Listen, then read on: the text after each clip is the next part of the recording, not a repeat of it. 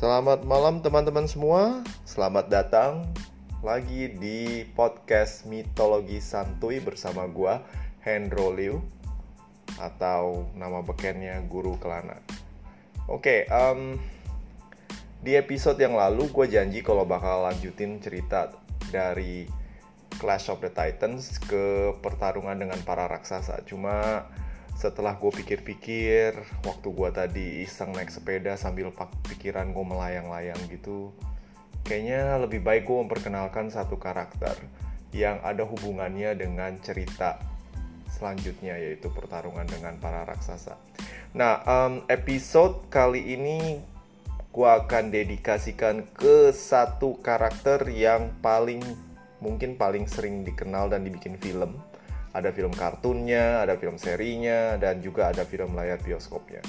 Cuma episode kali ini cuma perkenalan buat karakter ini karena gue pikir karakter ini bakal banyak banget yang harus dibahas. So ini baru perkenalan aja. Oke, okay, ladies and gentlemen, mari kita dengarkan cerita tentang Hercules. Hercules.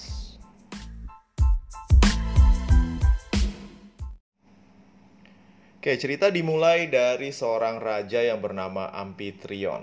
Nah, raja ini masih muda dan dia baru aja uh, dinikahkan sama seorang gadis cantik yang bernama Alkmene. So, Alkmene ini cakep banget. Katanya mukanya ya Sami Mawon mirip-mirip sama Aphrodite pada zaman itu. Dewi kecantikan sang penakluk pria yang mana aja semua pada ngeliat pasti langsung kesengsem. Nah, cuma sueknya buat si Amphitryon ini ketika dia mau pesta dan lain-lain, negaranya tuh tiba-tiba harus diserang sama musuh dan dia harus pergi berperang melindungi negaranya, kerajaannya. Nah, ketika dia pergi untuk berperang, lalu terjadilah sesuatu yang tak disangka-sangka. Zeus yang penasaran pengen ngeliat secakep apa sih Akmene ini turun dari gunung Olympus dan jalan-jalan dan ngintip ke istana Amphitryon dan ngeliat si Akmene kebetulan lagi nyantai duduk atau tiduran di ranjang mungkin. Nah, uniknya um, seperti biasa lu tahu sendiri kalau misalnya Zeus ngelihat cewek cakep itu langsung kayaknya pengen aja pengen begitu pengen bercinta atau bagaimana lah nah Zeus lalu mengambil rupa sebagai seorang pria yang identik dengan suaminya si Alkmene ini yaitu Amphitryon. Jadi dia nyamar dan lalu menghampiri Alkmene. Alkmene sempat kaget karena loh bukannya baru pergi perang, kok kamu udah pulang siang? Mau ngapain? Kau perang apa enggak sih? Saya bilang, oh aku perang cepet kok, sekarang aku kangen aja sama kamu. Mari kita bercinta sayang. Nah itu yang terjadi pada saat Alkmene bertemu dengan Amphitryon gadung-gadungan alias Zeus. Nah, Zeus saking pengen uh, menikmati waktu dengan Alkmene ini sampai dia meminta Helios sang surya atau sang matahari untuk berhenti um, bersinar selama tiga hari biar malam terus biar dia bisa puas bersama Alkmene. Nah setelah itu Zeus pergi begitu saja. Dan setelah berbulan-bulan kemudian, yang punya kerajaan dan suami resmi dari Alkmene akhirnya pulang. Jeng jeng jeng. Amphitryon yang kangen berat dengan istri yang baru dinikahinya beberapa bulan lalu itu kemudian kaget ketika melihat Alkmene dalam kondisi mengandung. Dia langsung gelap mata dan menunggu menuduh kalau Akmene ini udah selingkuh. Kamu selingkuh. Kamu ada main sama siapa kamu? Dan Akmene yang menangis-nangis terisak-isak mengaku kalau dia tidak bersama siapa pun selain pada suaminya. Lalu karena Amfitrion merasa telah dikhianati cintanya, dia langsung meminta Alkmene untuk dieksekusi di depan masa. Namun, sebelum ini terjadi, kilat menyambar dan tiba-tiba Zeus yang datang bagaikan Thor di film di ending film Avengers Tau ya itu loh yang dia langsung loncat jeder, I want Thanos. Nah itu loh. Nah dia langsung datang jeger begitu langsung bilang, woi jangan sembarangan bunuh orang. Itu yang punya jabang bayi punya gua. Mau ngapain lo? Lu mau bunuh dia? Hadapin gua dulu, Raja para dewa. Langsung semua bilang, oke, okay, kalau udah bos yang bilang, nggak bisa apa-apa deh. Si Amfitrion pun langsung, oke okay, um, ya nggak apa-apa deh udah bekasnya Zeus juga gue masih cinta nggak apa-apa gue rawat anaknya nah setelah beberapa sembilan bulan setelah peristiwa um, uh, Hakmene dihamili sama Zeus se seorang bayi yang kuat dan sehat pun lahir dan diberi nama Hercules nah setelah ketahuan kalau anak ini adalah anak Zeus, situasi di Olympus pun gempar. Hera, istri resmi daripada Zeus, marah besar menyadari dirinya kembali lagi dikhianati oleh sang suami yang demen banget selingkuh dan main cewek. Hera yang dendeman dan cemburuan lalu mengirimkan sesuatu yang sangat berbahaya untuk membunuh Hercules yang masih bayi. Dikirimnya dua ekor ular piton yang besar dan bisa melilit tubuh manusia dewasa dengan mudahnya sampai remuk. Namun, kedua ular ini malah dipletek kepalanya sampai retak dan mati mirip mainan plastik ular-uleran yang dijual di depan SDN negeri deket rumah gua waktu itu. Lu tau dong yang warna hijau atau merah yang keletak-keletak itu. Ya kayak gitu deh, mati. Nah, ketika menyadari kalau anaknya diincar oleh Hera, Alkmene dan Amfitrion ketakutan karena takut-takutnya ratu para dewa itu akan membalas dendam lebih berat lagi. Lalu dengan sedih hati, Alkmene membawa Hercules yang masih kecil itu lalu ditaruh di hutan. Berharap kalau misalnya Zeus sayang, tolong dirawat. Kalau enggak, ya Zeus yang tanggung jawab lah kan anaknya Zeus suka-suka lu lah. Nah, Zeus yang memang sangat menyayangi anaknya. Zeus ini punya karakter bapak yang baik loh. Dia demen banget sama anak-anak dan selalu anaknya itu nggak pernah ditelantarin. Ya, intinya tahu bikin tahu tahu tahu rawat juga lah walaupun ya kayak gitu dah orangnya lah oke nah balik lagi Zeus lalu mengutus Artemis anaknya dari Leto yaitu dewi perburuan dan juga dewi bulan lah Artemis yang menemukan Hercules di dekat hutan tempat dia berburu lalu membawanya ke Olympus anak ini nangis terus karena belum disusui. Hera yang melihat Artemis yang bersumpah jadi dewi perawan itu ketawa dan ngeledek si Artemis. Eh, lu masih perawan ting-ting, lu gak bakal bisa nyusuin itu anak. Sini, sini, sini. Anak siapa sih? Artemis cuma bilang, eh, ya nggak tahu sih gue nemu di hutan ya kasihan aja. Sini, sini, gue susuin. Lalu Hera menyusui si bayi kecil Hercules ini. Ketika menyusui uh, Hercules, Hera menyadari kalau sedotan dari si Hercules ini kuat banget sampai dia kesakitan dan langsung didorong itu bayi. Nah, ketika dia dorong, tetesan air susu dari Hera itu muncrat ke langit karena kan Olympus gitu muncrat ke langit dan ceceran susu itu yang sekarang kita kenal dengan nama galaksi Bima Sakti. Dalam bahasa Inggris disebut Milky Way. Nah, nggak sia-siakan lu denger celotehan gua selama ini. Ini ada ilmu baru nih. Jadi Milky Way itu artinya air susu Hera. Asalnya dari air susu Hera. Menurut orang Yunani yang langsung diterjemahkan secara harafiah oleh orang Inggris. Oke, satu ilmu tuh buat lo. Jadi nggak sia-sia dong dengerin mitologi Yunani. Nah, karena Hera ini punya kekuatan super, jadi air susunya dia juga mengandung gizi yang sangat tinggi. Jadi Hercules itu langsung menjadi bayi yang kuat. Bayangin, dia bapaknya adalah Zeus dan disusui oleh Hera dua superpower yang luar biasa mengalir dalam tubuhnya si Hercules ini. Dan Hercules pun kemudian dikembalikan ke Alkmene sama Amphitryon yang kemudian merawatnya sampai besar. Nah, dari kecil Hercules ini punya fisik yang kuat dan juga cerdas.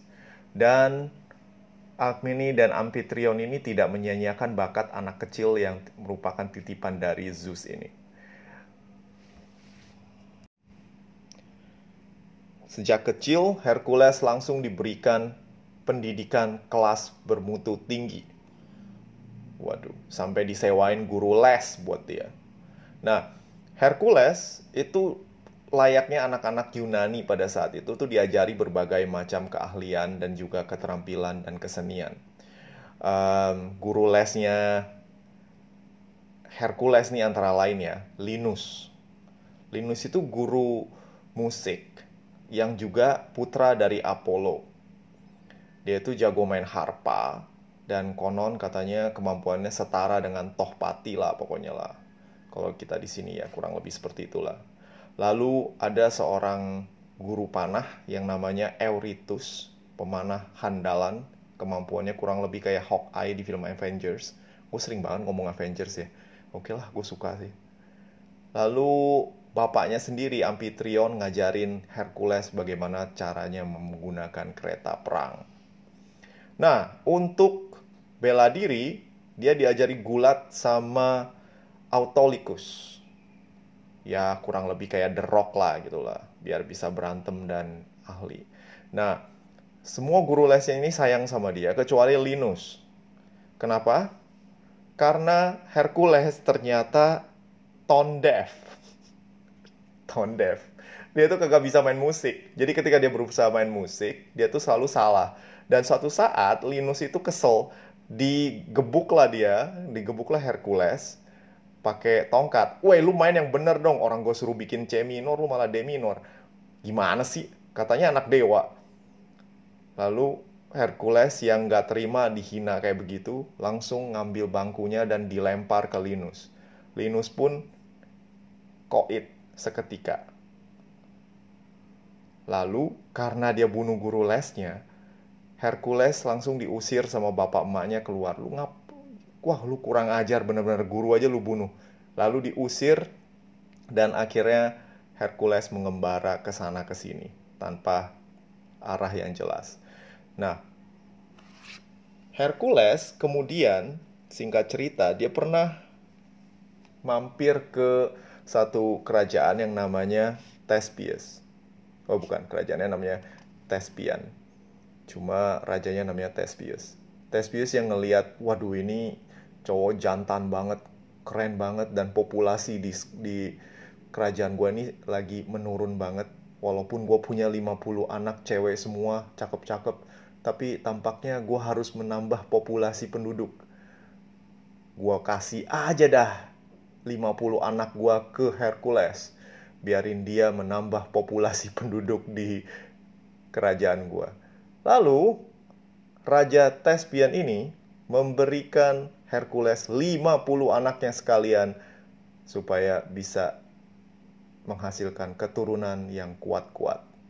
Yaitu sekilas info tentang bagaimana jantannya Hercules. Nah, um, singkat cerita aja, karena cerita Hercules ini panjang banget dan gue bakal bikin episode khusus seri malah nanti.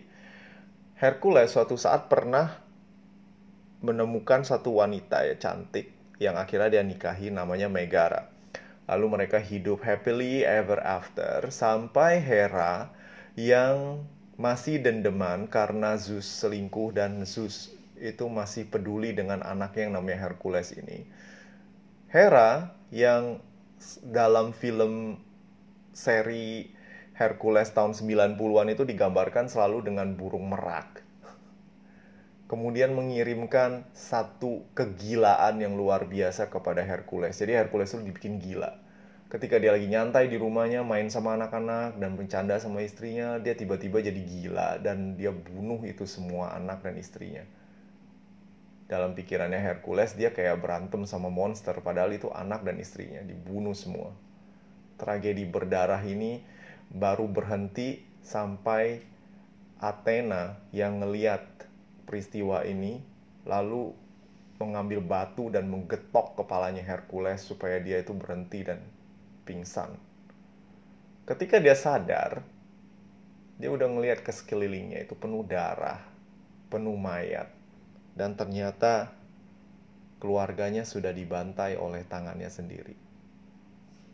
Hercules berpikir dia bunuh musuh, tapi dia ternyata bunuh keluarganya sendiri. Karena merasa sangat bersalah kepada semua anggota keluarga dan juga istrinya. Hercules pergi ke Delphi. Delphi atau Delphi, tergantung lu bagaimana mau ngomongnya, itu adalah pusat dari uh, penyembahan kepada dewa Apollo. Sampai sekarang masih ada, lokasinya di Yunani. Dan dulu dibilang adalah pusar dari dunia atau pusatnya. Jadi di Delphi ini ada oracle yang merupakan penghantar dari pesan Apollo. Apollo itu dibilang bisa membaca masa depan. Jadi uh, Hercules pengen tahu apa yang dia harus lakukan supaya dia bisa menebus kesalahannya pada keluarganya. Dan Oracle ini ya, jadi jadi Oracle ini unik sebenarnya. Dia tuh bisa memberikan wangsit Apollo dengan cara um, menghirup semacam ramuan dan langsung ngomong sesuatu yang gak jelas dan kemudian di, diterjemahkan oleh para pendetanya. Dan disampaikan kalau Hercules harus melayani sepupunya sendiri, yaitu Raja Euristus atau beberapa versi bilangnya namanya Orestes. Nah, dia harus melayani Raja Eurestes ini selama 12 tahun.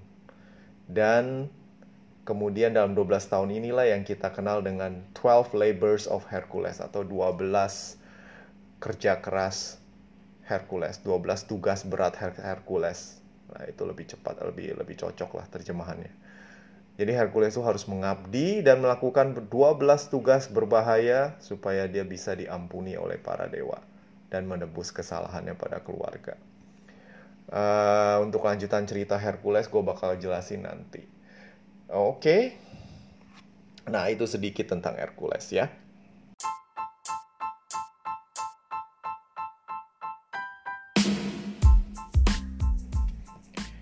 Di episode selanjutnya, gue akan bahas tentang pertarungan para raksasa.